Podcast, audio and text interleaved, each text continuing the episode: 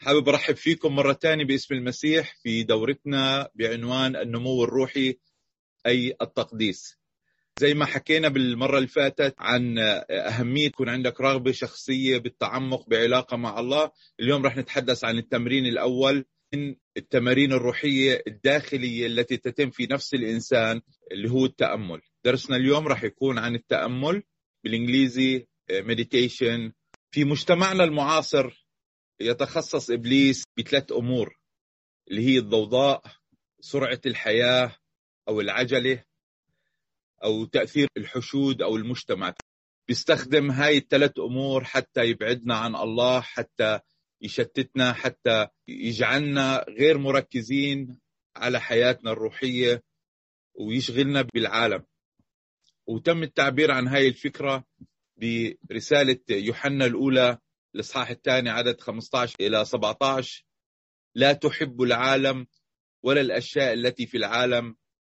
إن أحب أحد العالم فليست فيه محبة الله لأن كل ما في العالم شهوة الجسد وشهوة العيون وتعظم المعيشة ليس من الآب بل من العالم. والعالم يمضي وشهوته وأما الذي يصنع مشيئة الله فيثبت إلى الأبد. هون ببساطة شديدة بقول لا تحب العالم لأنه محبة العالم تبعدنا عن الله ليست فيها محبة الله. وتحدث عن شهوة الجسد وشهوة العيون وتعظم المعيشة اللي هي الضوضاء إنه أنت مشغول ومعجوق في الحياة ودائما بتركض بتحاول تنجز أمور. آه، شهوة العين إنه دائما بتطمح لشيء إضافي شيء جديد تشتهي شغلات خارجة عن ما بتمتلكه. تعظم المعيشة. يعني كل هاي الأمور هي فعلا تبعدنا عن الله. وهنا بيحكي أن كل هاي الأمور هي مؤقتة فعليا تمضي. العالم يمضي وشهوته وأما الذي يصنع مشيئة الله فيثبت إلى الأبد. عم بيحاول يساعدنا الكتاب المقدس حتى نركز على الأمور الأساسية الضرورية في حياتنا كمسيحيين. عشان هيك اليوم نتحدث عن فكرة التأمل اللي بتساعدنا نلتفت إلى علاقتنا مع الله نتعمق مع علاقتنا مع الله والهدف منها أنه فعلا ننمو روحيا أنه نتقدس أنه نصير مثل يسوع المسيح.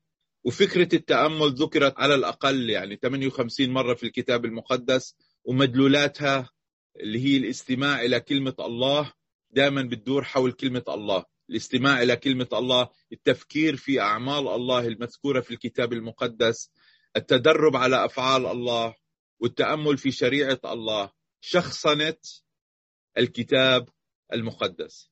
أنه تجعله شيء شخصي تحاول تتخيل نفسك أنه كيف بإمكانك تكون جزء من هذا الموقف. لما يسوع المسيح أو رجال الله يتعاملون مع الأفراد تتخيل حالك بيتعاملوا معك بشكل شخصي وكيف بتشعر وإيش بتفكر. بتحاول تدخل حالك في النص الكتابي. كل هاي هي التأمل في شريعة الله.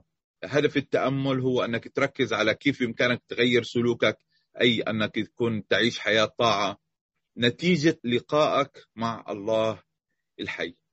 التأمل هو فعليا هو لقاء شخصي ما بينك وما بين الله أن تحاول أنه تتقرب منه تفهمه تشعر فيه.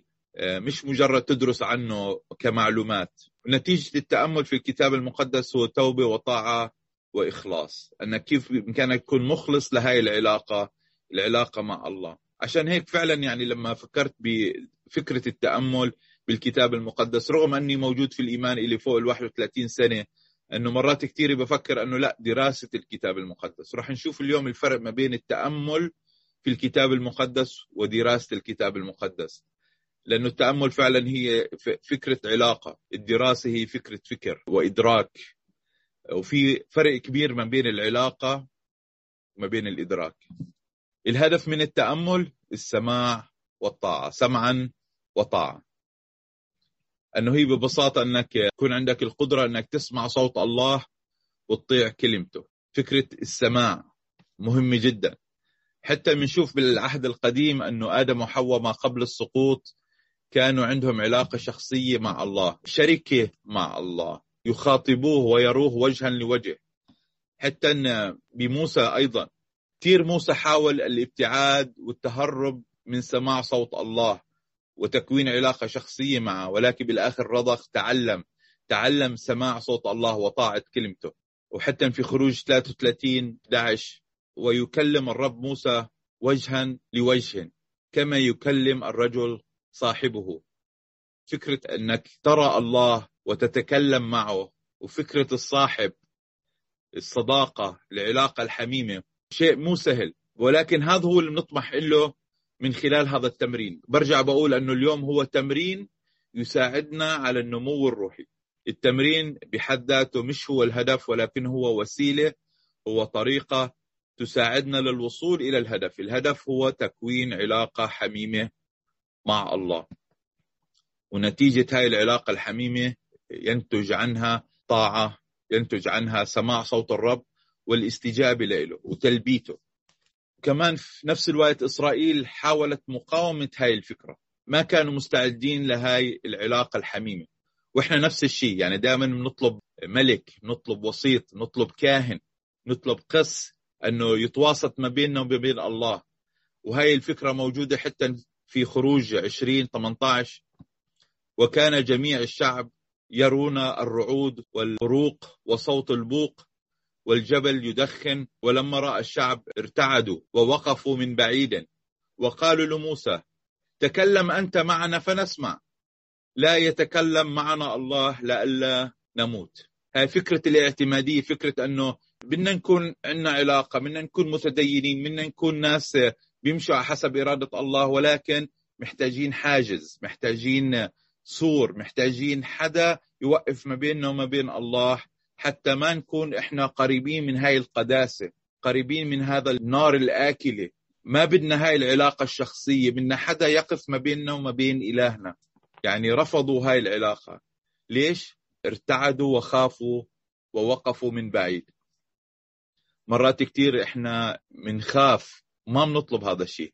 شفنا بالمقدمة لازم يكون عندنا شهوة قلبية أنه يكون عندنا علاقة مع الله. هنا الشعب لما شاف هذا المنظر المهوب بسبب عدم ثقته وعدم إيمانه وعدم تصديقه لأنه الله هو محب الله هو حنون الله هو يريد مصلحتهم خافوا.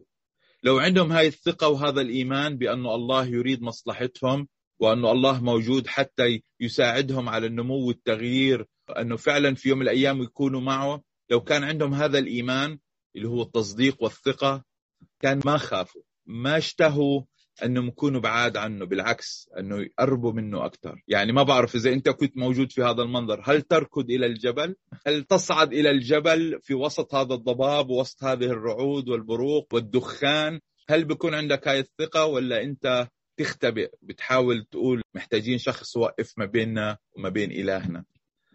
عشان هيك الناس طلبت ملك طلبت وسيط طلبت كاهن. كنا امبارح في عرس في Sterling Heights. يعني عم نحضر مراسيم العرس مع كل احترامي بس كان في كاهن وكان في شمامسة وجوقة ولابسين الأتواب البيض وحاطين كل هاي الرموز الدينية. وجزء من الحديث كان أنه ونحن في هذه الكنيسة زي كأنه الكنيسة هي مبنى وبدأ يشير إلى الرسومات المرسومة على الحائط. انتابني حزن أنه كيف الناس جايين لابسين ومرتبين عم بيحضروا عرس عم بيستمعوا لشخص وموافقين أنه يكون هو وسيط ما بينهم ما بين إلههم. اختاروا هالشيء وافقوا هالشيء بالنسبة لهم هذا أسلم. أسهل لهم أنه يجوا على مكان يوم في الأسبوع مستمعين متلقين ما عندهم هاي العلاقة الشخصية مع إلههم. وهذا الشيء محزن لله.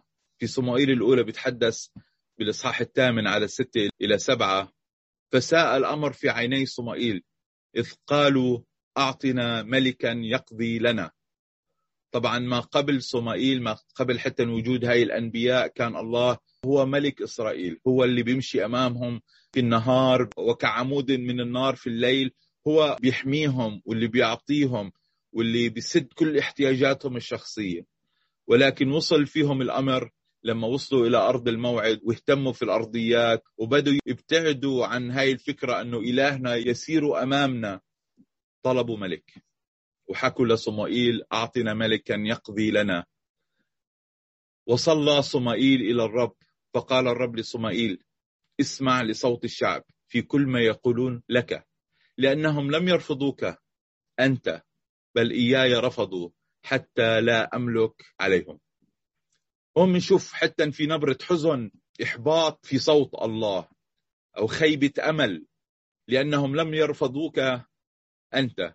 يعني الله شعر بالرفض هون لأنهم طلبوا وسيط بينهم وما بين إلههم. ما بدهم هاي العلاقة الشخصية.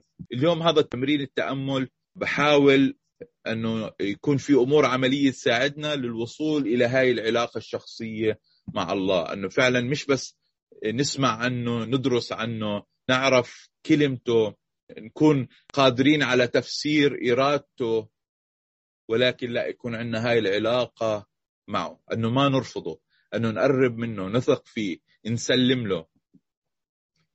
الله يدعونا لحضرته حتى نتغير. ولكن عشان ما نقدر نكون في حضرة القدوس هذا الإله الكامل إحنا بنرفض هاي الحضرة بنحاول نحط جدار ما بيننا وما بينه لأنه عم نقاوم التغيير عم نقاوم أنه نصل إلى هاي القداسة اللي الله يدعونا لإلها. رغم ذلك هناك البعض يطلب شركة مع الله. مزمور 119 بيتحدث عن شخص بيعبر عن مشاعره. كم أحببت شريعتك؟ اليوم كله هي لهجي. من كل طريق الشر منعت رجلي. لكي أحفظ كلامك عن أحكامك لم أمل لأنك أنت تعلمني.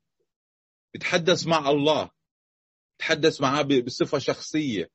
أحفظ كلامك. يعني بيسمع صوت الله وبيحفظه. لم أمل عنها. يعني عم أطيع إرادتك. وأنت عم بتعلمني. عندي أنت معلم لإلي. هي لهجي هي الشيء اللي بشتهيه. هي هذا الشيء اللي بيغذيني بشكل يومي. نشوف هاي العلاقة الشخصية. وموجودة في أكثر في المكان في المزامير. بتعبر عن قلب هذا الشخص بأنه يتعمق بعلاقته مع الله. كمان في أمثلة بالعهد الجديد من خلال شخص المسيح. بنشوفه دائما بيعتزل إلى موضع خالي منفردا بمتى 14 13 فلما سمع يسوع انصرف من هناك في سفينة إلى موضع خلاء منفردا فسمع الجموع وتبعوها مشاة من المدن. موضع خلاء منفرد. يعني هو محتاج هذا الوقت لنفسه. يعني رغم أنه حياته وخدمته أنه يكون في وسط الجموع ويعتني في احتياجاتهم ولكن كمان كان مركز أنه مصدر قوته مش مصدر داخلي هو مصدر خارجي هو علاقته مع الآب. عشان هيك كان دائما بيختلي في نفسه. موضع خلاء بعيدا عن الضوضاء اللي حكينا عنها بعيدا عن الحياة السريعة عن الاحتياج عن الجموع وتأثيرهم عن المجتمع وتأثيره السلبي. دائما اللي بيحاولوا يخلون نصير زيهم ويشدونا لإلهم. لا كان على قلبه أنه يختلي بعلاقته مع الله لأنه علاقته مع الله هي أولوية. ما بده يكون دائما مشغول مدووش في الحياة دائما بحياة سريعة إيقاع سريع في الحياة ولكن محتاج هاي العلاقة مع الله. يسوع عاش حياة السماع والطاعة. بيوحنا 5 19 فأجاب يسوع وقال لهم الحق الحق أقول لكم لا يقدر الإبن أن يعمل من نفسه شيئا إلا ما ينظر الآب يعمل. يعني لازم يكون عندك هاي العلاقة القريبة من الله إنك تشوف أعماله. يعني لو سألتك إيش المسيح شاف عمل الله في الأرض حتى يراه ويتمثل فيه؟ يعني لازم يكون عنده هاي حياة التأمل لأنه لما ينظر لكل أعمال الله لكل الخليقة لكل هاي الأنظمة الفيزيائية ونظام الجاذبية والجسد البشري والكون والكواكب والنجوم لما ينظر عمل الله وحتى وجوده في الأرض للفداء أن الله أحب العالم إلى درجة أنه يرسل ابنه الوحيد. لما ينظر أعمال الله بده يتمثل فيها. عنده هاي العلاقة. عنده هذا الإدراك. يرى مجد الله على الأرض. فاهم وسامع صوت الله وفاهم إرادة الله بسبب الحياة العميقة التأمل. حتى نقول المسيح بوصي بالروح الحق اللي هو الروح القدس بيوحنا 16 13 وأما متى جاء ذاك روح الحق فهو يرشدكم إلى جميع الحق لأنه لا يتكلم من نفسه بل كل ما يسمع يتكلم به ويخبركم بأمور آتية. يتحدث عن روح الحق يرشدكم. إلى جميع الحق. لو سألتك إمتى وكيف أرشدك روح الحق في حياتك كمسيحي؟ لأنه لا يتكلم من نفسه. الروح الحق يتكلم. هل تسمع صوت الروح القدس؟ يعني فكرة التأمل حتى يساعدنا أن ننمو روحيا. وجزء من هذا النمو الروحي هو سماع صوت الله. بل كل من يسمع يتكلم به ويخبركم بأمور آتية. إيش الروح القدس الساكن فيك؟ عم بخبرك هذه الأيام. عم بيحاول يوصل لك هاي الرسالة. إذا ما كان في تأمل روحي في حياتك رح يكون صعب أنك تسمع لصوت الله. الذي يقودك إلا أنك تتمثل فيه وتطيع كلمته. التأمل يساعدنا على النمو إلى ما يسمى الصداقة المألوفة مع يسوع. هاي الألفة هاي المعرفة هاي الحنية هاي العلاقة هاي الصداقة مع يسوع. هل بإمكانك تقول بصدق أنه عندي صداقة مألوفة مع يسوع؟ هل في عندك هذا الصديق الأقرب من الأخ الصديق الصدوق؟ هل بإمكانك تعبر عن علاقتك مع المسيح أنه فعلا عندي هاي الصداقة المألوفة مع يسوع؟ التأمل الروحي يساعدنا للوصول إلى هذا المستوى. أنه نعيش حياة يومية مع المسيح.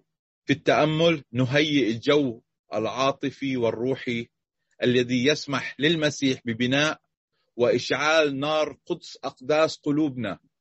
وهذه النار تحرق كل ما هو غير طاهر. تسمح للمسيح أن يدخل في نفسك. أنت تفتح له الباب.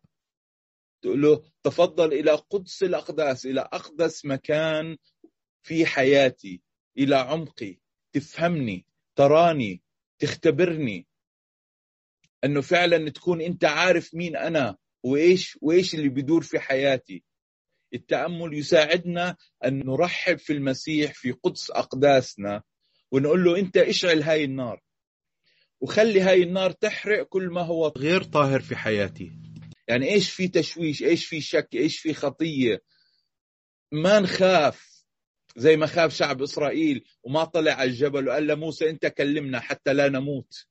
لا ما خاف ركض إلى الجبل وعبر عن هاي الفكرة الكتاب المقدس في رؤيا يوحنا 23 وعادة يتم إساءة استخدام هاي الآية لأنه هي مخصصة للمسيحيين ويدعوهم إلى العمق مش لأشخاص غير مخلصين ندعوهم إلى الخلاص.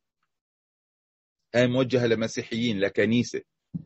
ها أنا ذا واقف على الباب وأقرع إن سمع عن أحدا صوتي وفتح الباب أدخل إليه وأتعشى معه وهو معي.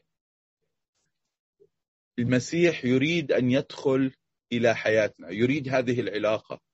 هو الذي بادر مش إحنا على بابه هو اللي على بابنا. واقف على الباب وعم بيستنى وعم بيبذل جهد. وعم بيعمل صوت حتى يصل إلنا بحاول يسمعنا صوته يلفت انتباهنا يجيبنا إلى الباب حتى نفتح له هذا الباب اللي هي فكرة أنك تفتح باب قدس أقداسك وتسمح له أنه يشعل هذه النار حتى تحرق كل ما هو غير طاهر. إن سمع أحد صوتي وفتح الباب أدخل إليه وتعشى معه وهو معي. إيش غايته من أنه يدخل علينا ويقرع الباب؟ أنه يتعشى معنا ويكون معنا ونحن معه. هاي رغبة المسيح لكل شخص فينا. هو يريدنا أنه نختبر هاي العلاقة هاي الصداقة هاي الألفة وهاي شهوة قلبه وهاي رغبته الشخصية. وبيدعونا أنه نأمن أنه نثق أنه نصدق أنه يسوع عم بفكر بمصلحتنا ويريدنا ويريد أنه يظهرنا محبته ويظهر نفسه لإلنا. بس إحنا مطلوب منا نسمع هذا الصوت ونفتح هذا الباب. التأمل رغم الضوضاء وسرعة هذا العالم اللي عايشين فيه ومشاغل الحياة وشهوة العيون وتعظم المعيشة. التأمل هذا التمرين لنصل إلى مكان نستطيع أن نسمع صوت الله. النتيجة نحيا مع المسيح بالملكوت. لأن ليس ملكوت الله أكلا وشربا بل هو بر وسلام وفرح في الروح القدس. ملكوت الله مش شيء جسدي. علاقة مع الله ما في شيء في الحياة إلا سيزول. اللي راح يثبت إلى الأبد هو علاقتنا مع الله. بر مغفرة خطايا سلام علاقة مع الله ومصالحة مع الله وسلام داخلي وفرح. تمرين التأمل أنه فعلا تتأمل بفكر الله بكلمة الله حتى تسمع صوته ينتج بر وسلام وفرح في الروح القدس. بعض الأمور التي يسوء فهمها في التأمل المسيحي. في تحديات مرات بيشبهوها بالديانات الشرقية اللي هي Eastern meditation بس في فرق كبير ما بين ال Eastern meditation وما بين the Christian meditation. التأمل الشرقي الديانات الشرقية والتأمل الروحي المسيحي. التأمل الشرقي يحاول تفريغ العقل إنه empty your mind. إذا فكرتوا فيها البوذا أو ال meditation أو بيحاولوا إنه خلص أنت اعزل نفسك فرغ عقلك. يعني كل هالتشويشات اخرجها خارجا. التأمل المسيحي يحاول ملء العقل. أنه يصير في عندك سماع واضح أنك تسمع صوت الله بكل وضوح. التأمل في الديانات الشرقية عكس التأمل المسيحي أن تصبح منفصلا عن العالم. دي اتاش from the world. أنه تنفصل.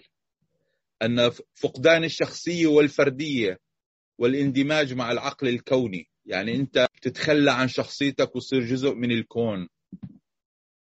هناك شوق إلى التحرر من أعباء الحياة والألم وأن تعيش في هدوء وسكينة أنك تصل إلى مرحلة أنه أنت عايش بينك وبين نفسك وتنفصل وتفصل عن العالم حتى تعيش في هدوء وسكينة. لا يوجد إله ترتبط به أو تسمع منه. بال Eastern religions ما بيأمنوا انه بوجود الله ولكن أنه أنت تفصل عن العالم وتهرب من البؤس الموجود في هذا العالم. الانفصال عن الواقع هو الهدف النهائي للدين الشرقي أو للديانات الشرقية. نقارن ما بينها ما بين التأمل في المسيحية.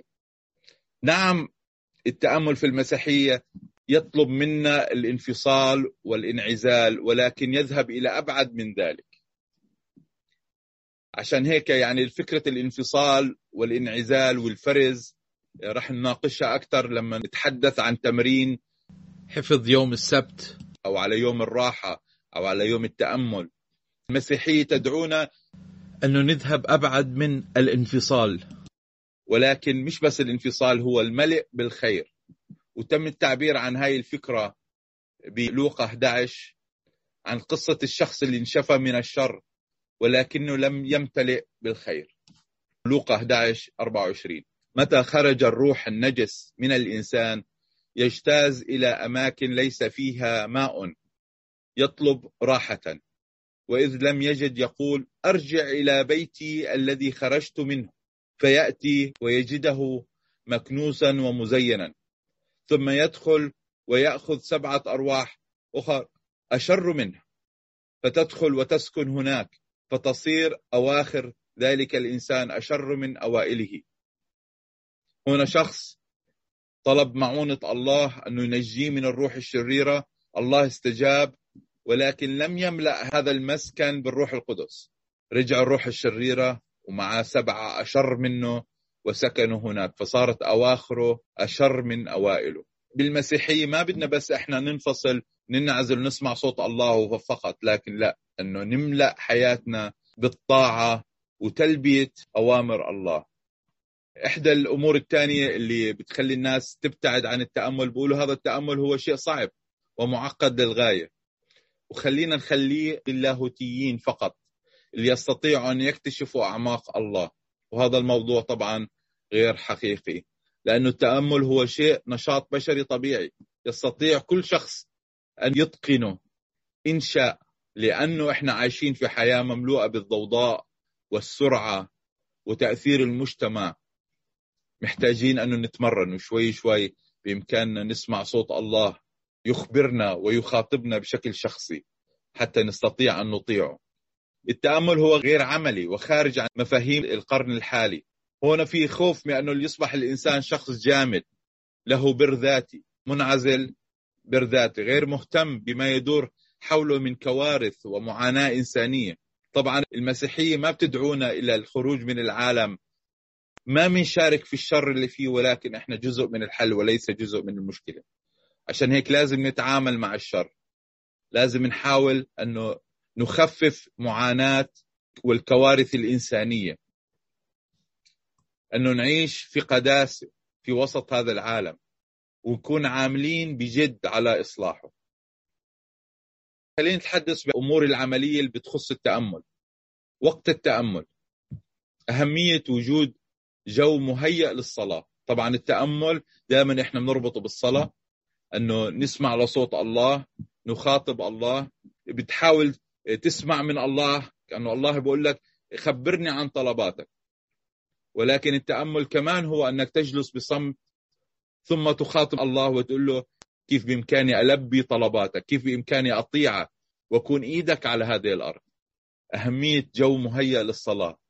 لأنه حياة الانشغال والسرعة تمنعنا من لحظات الصمت الداخلي للتأمل. عشان هيك بتسالونيك الأولى 5 17 بيوصينا بقول صلوا بلا انقطاع. كيف بإمكاننا نطبق هيك آية؟ نصلي بلا انقطاع. إذا ما كان عندنا هدوء النفس وتركيز رغم الانشغال وسرعة العالم. فكرة وجود وقت للنفس مقدس هولي ليجر إيش يعني وجود وقت للنفس مقدس؟ يعني بينك وبين نفسك بينك وبين الله أن تحافظ على هذا الهدوء تحافظ على هذا الوقت المقدس أنه ما تخلي شيء يبعدك عن هذا الوقت. فكرة إيقاظ اليقظة في لحظة الصمت الداخلي. اليقظة في لحظة الصمت الداخلي. يعني يكون عندك هذا التركيز هاي القدرة على التمييز تكون أنت متيقظ صاحي منتبه في وسط الصمت الداخلي. يعني رغم الصمت الموجود أنت متيقظ لسماع صوت الله. مكان التأمل. حلو يكون عندنا القدرة أنه نكون قادرين للتأمل في كل مكان ولكن كمبتدئين حلو يكون في مكان مخصص لهذا الموضوع. ورح نحكي بالموضوع بشكل تفصيلي أكثر لما نتحدث عن تمرين العزلة. ولكن حلو أن يكون في مكان هادئ وخالي من المقاطعة وخصوصا تليفون المحمول. العثور على مكان يطل على منظر الطبيعة الجميلة. ضروري تهيئ نفسك وتهيئ المكان حتى يساعدك على التركيز والتأمل. كمان أهمية النفسية. رغم أن الجسد والعقل والروح لا ينفصلان ولكن مرات كثير التوتر النفسي يؤدي إلى اضطرابات في الروح وانفعالات في الجسد. عشان هيك مهم جدا أنك تدخل في نفسية الصح تقول يا رب أنا هدي لي نفسي حتى تستطيع أنه فعلا تتحكم بأفكارك وتتحكم في انفعالاتك الجسدية. التأمل بيساعدك على الهدوء. حتى نعملوا أبحاث كثير العلمانيين على فكرة التأمل. وجدوا أن التأمل يخفض دقات القلب يخفض الضغط إيه، بيساعدك على أنك تتحكم في جسدك وانفعالاتك وهرموناتك. بس إحنا كروحانيين مدركين أهمية التأمل في القدرة على التحكم في الجسد وانفعالاته ولكن الهدف هو شيء روحي أنه سماع صوت الله حتى يساعدنا على الطاعة والتنفيذ. الهيئة الجسدية الكتاب المقدس يوصف الهيئة الجسدية بطرق متعددة للعبادة والتأمل. مرات الناس بتكون واقفة مرات جالسة مرات الاستلقاء على الوجه رفع الأيدي وغيرها. طبعا بدك أنت تختار شيء يناسبك. ودائما بينصحوا بالجلوس لأنه بالجلوس أنه أنت مرتاح ما بتتعب. لما تكون رافع إيديك ممكن تتعب. لما تكون واقف ممكن تتعب. بصير التعب الجسدي يؤثر على التركيز والتأمل. عشان هيك تكون في موضع في هيئة جسدية مريحة يساعدك على التأمل. بعرف أنه مرات كثير يعني ما بنتحدث عن هاي الأمور. ما بعرف إمتى آخر مرة سمعت وعظة أو درس عن التأمل الروحي المسيحي.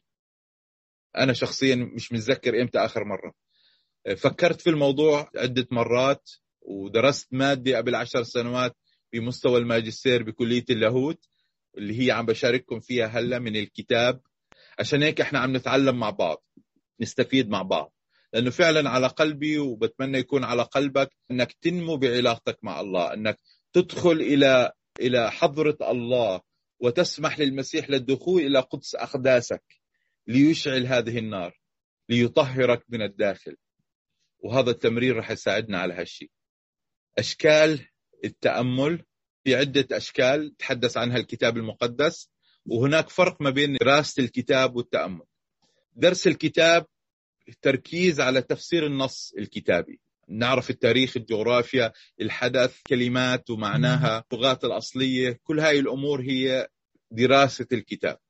التأمل في الكتاب المقدس يرتكز على استيعاب وأخذ المقطع بشكل شخصي. أنك تحس فيه. تستخدم مخيلتك للتفكير فيما حدث. أنه لو أنت كنت هذا الشخص اللي بيخاطب المسيح أو بيتعامل مع المسيح إيش اللي كان بيدور في نفسك؟ كيف بتشعر؟ إيش المسيح بيحاول يوصل لك من خلال هاي الآية؟ التأمل يجعل الكلمة المكتوبة حية وموجهة لك شخصيا. الدراسه ممكن تكون دراسة فنية تحليلية أنه باليوناني بالعبري بتحاول تحلل وحتى تعمل درس حتى تشاركه مع الآخرين. يعني طريقة التفكير بدراسة الكتاب المقدس هي ممكن تكون مش شخصية ممكن للآخرين. كيف توصل المعلومة للآخرين؟ أنك ما تكون كمراقب سلبي للموضوع. لما تقرأ الإنجيل والقصة ممكن أنت تبعد نفسك عن هذه القصة. ما تشوف نفسك كإحدى الأشخاص موجودين في القصة.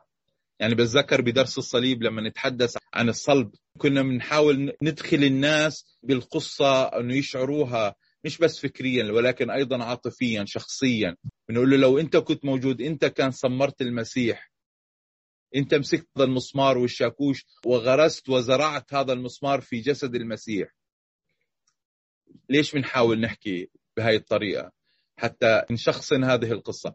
نجعل هذه القصة شيء شخصي أنه يتخيلوا نفسهم جزء من هذه القصة. أنت مش مجرد مراقب سلبي ما إلك علاقة. بس مجرد متفرج من الخارج. لا أنك تكون أنت مشارك نشيط جزء من هذه القصة. التأمل بيساعدك على هذا الشيء. خلينا نتحدث ببعض التمارين المقترحة في الكتاب. في تمرين لفت انتباهي بيتحدث عن الكف للأسفل كف اليد للأسفل ثم للأعلى ثم الصمت. يعني بيتحدثوا عن مصطلحات شوي غريبة عنا اللي هي تجميع النفس والتوازن المرتكز. هاي ترجمة غير حرفية للمفاهيم. عشان هيك حطيت المفاهيم باللغة الإنجليزية. تجميع النفس أنك رغم التشويش والضوضاء اللي بيدور حولك أنه أنت تركز. أنك أنت تجد هذا التوازن المرتكز. يكون سنترد يكون عندك مركز. يكون عندك هذا التوازن. والتمرين بيساعدك على هذا التأمل. بتحدث بالبداية عن الكف للأسفل. تحط إيدك لتحت تحط إيدك تكون قاعد جالس وكفك على رجليك للأسفل اللي هي ترمز إلى رغبتك بتسليم بالتسليم إلى الله تسليم أمورك ومخاوفك لله. مثلا إذا كان عندك غضب تجاه فلان الفلاني إنك تقول يا رب أسلمك غضبي وكفك على رجلك إلى الأسفل يا رب أسلمك غضبي تجاه الفلان. أنا أطلق سراح خوفي من موعد الطبيب الأسنان هذا الصباح. إذا أنت خايف أو غضبان أتخلى عن قلقي لعدم وجود ما يكفي من المال لدفع فواتير هذا الشهر. يعني إيش شاغل بالك؟ المصدر توتر لك أنك تسلمه لله يا رب أنا أطلق أسلمك غضبي أطلق صراح خوفي أتخلى عن قلقي. الكف إلى الأسفل يرمز لهذا الشيء. الإطلاق أنك تسلمه لله. أنا أسلمك يا رب هذا الموضوع. أنا أطلقه نحوك. بعد لحظات. طبعا نقوم بكل ذلك ونحن بصمت. بدون كلام. بس مجرد أنك تهدي نفسك وتسلم خوفك وقلقك وغضبك لله. ثم جسديا تقلب إيدك كفك وتحط إيديك إلى الأعلى اللي بيرمز إلى رغبتك بالاستلام من الله. بعد ما أنت سلمته تستلم منه والاستسلام لإله ربما تصلي بصوت بتقول يا رب أود أن أتلقى حبك الإلهي لفلان. مش أنا كنت غضبان من شخص؟ بقول يا رب املأني حب لهذا الشخص. أنا فاتح كفي حتى أستلم هاي القدرة على المحبة.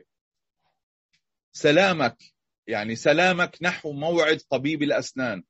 يا رب أنا عم بتلقى سلامك نحو خوفي من موعد طبيب الأسنان. صبرك وفرحك كل ما أحتاجه. كفي إلى الأعلى إني أطلب منك يا الله. يعني هاي الكف إلى الأعلى يمثل الطلب من الله. بعد ما إحنا سلمناه كل همومنا نطلب منه المعونة. ثالثا وقت للصمت. أنك تجلس بهدوء وصمت أمام الله. لا تسأل عن أي شيء. اسمح للرب بأن يكون معك أن يحبك. يعني تشعر بوجود الله بصمت. حتى وإن جاوبك وإذا الله أعطاك توجيه عملي وتلبية لطلباتك إذا سمعت صوت الله وشعرت أنه أنا محتاج أقوم بالعمل الفلاني أو الله لبى احتياجك فلا بأس. وإن لم يكن حتى لو الله ما سمعت صوت منه أو توجيه منه عملي أو شعرت أنه لم تأخذ شيء من الله في هذا الوقت أيضا فلا بأس.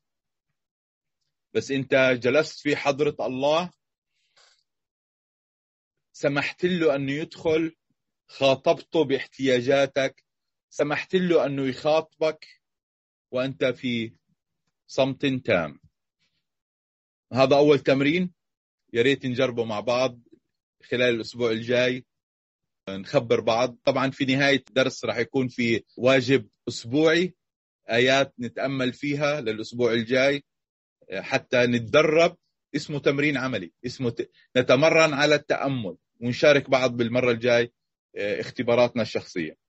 تمرين عملي الثاني هو الصلاة التأملية في إبداع الله بالخلق. مزمور 19 واحد السماوات تحدث بمجد الله والفلك يخبر بعمل يديه. أن مجرد النظر إلى الأشجار إلى الزهور إلى الطيور إلى المخلوقات يساعدنا أن ندرك وجود الله وجماله ومحبته لإلنا. وهذا الشيء يهدئ النفس ويساعدنا إلى الاستماع. التمرين الثالث العملي التأمل بمعنى الأحداث العالمية الواقعية. طبعا في كثير شغلات شر بتدور حوالينا. ما بعرف إذا أنت خلال السنة اللي فاتت تأملت إيش بيعني فيروس الكورونا بالنسبة لك شخصيا بالنسبة للعالم. وإيش مدلولاته الروحية؟ وإيش بإمكاننا نعمل حتى نواجه هذا الحدث؟ تأملنا بالأمور اللي بتدور حولنا الأحداث العالمية. ليس للسيطرة عليها. مرات كثير إحنا بدنا نفكر أنه كيف بإمكاني أحل الموضوع أو كيف بإمكاني أني أساهم في الحل. مرات كثير التأمل مش بس عشان السيطرة عليه أو تقوم فيه. ممكن تطلب يا رب وجهني ماذا يجب أن أفعله بشكل شخصي حتى أكون ملح ونور في هذا العالم المنحل والمظلم. رغم هاي الجائحة رغم هذا الحدث العالمي كيف بإمكاني أني أكون ملح ونور لهذا العالم؟ رغم أني ما بقدر أسيطر أو أغير هذه الكارثة أو هذا الحدث العالمي ولكن كيف بإمكاني أني أتعامل مع هذا الحدث؟ التأمل بمعنى الأحداث العالمية الواقعية بيساعدنا أن نكون هذا النور هذا الملح للعالم المنحل المظلم. بالنسبة للواجب المنزلي موجود على ال website وفي بإمكانك تنزل ال study guide التمارين العملية باللغة الإنجليزية. إذا أنت مرتاح أكثر وأنك تدرس باللغة الإنجليزية طبعا النص الإنجليزي موجود لهي التمارين بإمكانك تنزله. خلينا نشوف مع بعض التمارين. بتروح على موقع المدرسة مدرسة معاكم ma33a.com بتكبس على المدونة. بالمدونة في دورة التقديس تمرين التأمل. تكبس على العنوان. بتروح على نص الدرس. طبعا كل اللي شاركتكم فيه اليوم بالباوربوينت موجود بهاي الصفحة. وفي النهاية هناك تدريب العملي عن التأمل. طبعا بنشكر أخونا رياض اللي تم تدقيق الترجمة. بس بنشكر لجهوده أنه دقق التمارين في نص التمارين وأمثلة عملية ثم هناك قراءات في الكتاب المقدس. بتمنى للجميع أنه يقضوا وقت ابتداء من اليوم أنه تمشي يوم في يومه. في سبعة أيام موجودين آيات مقترحة تتحدث عن عدة مواضيع نتأمل فيها.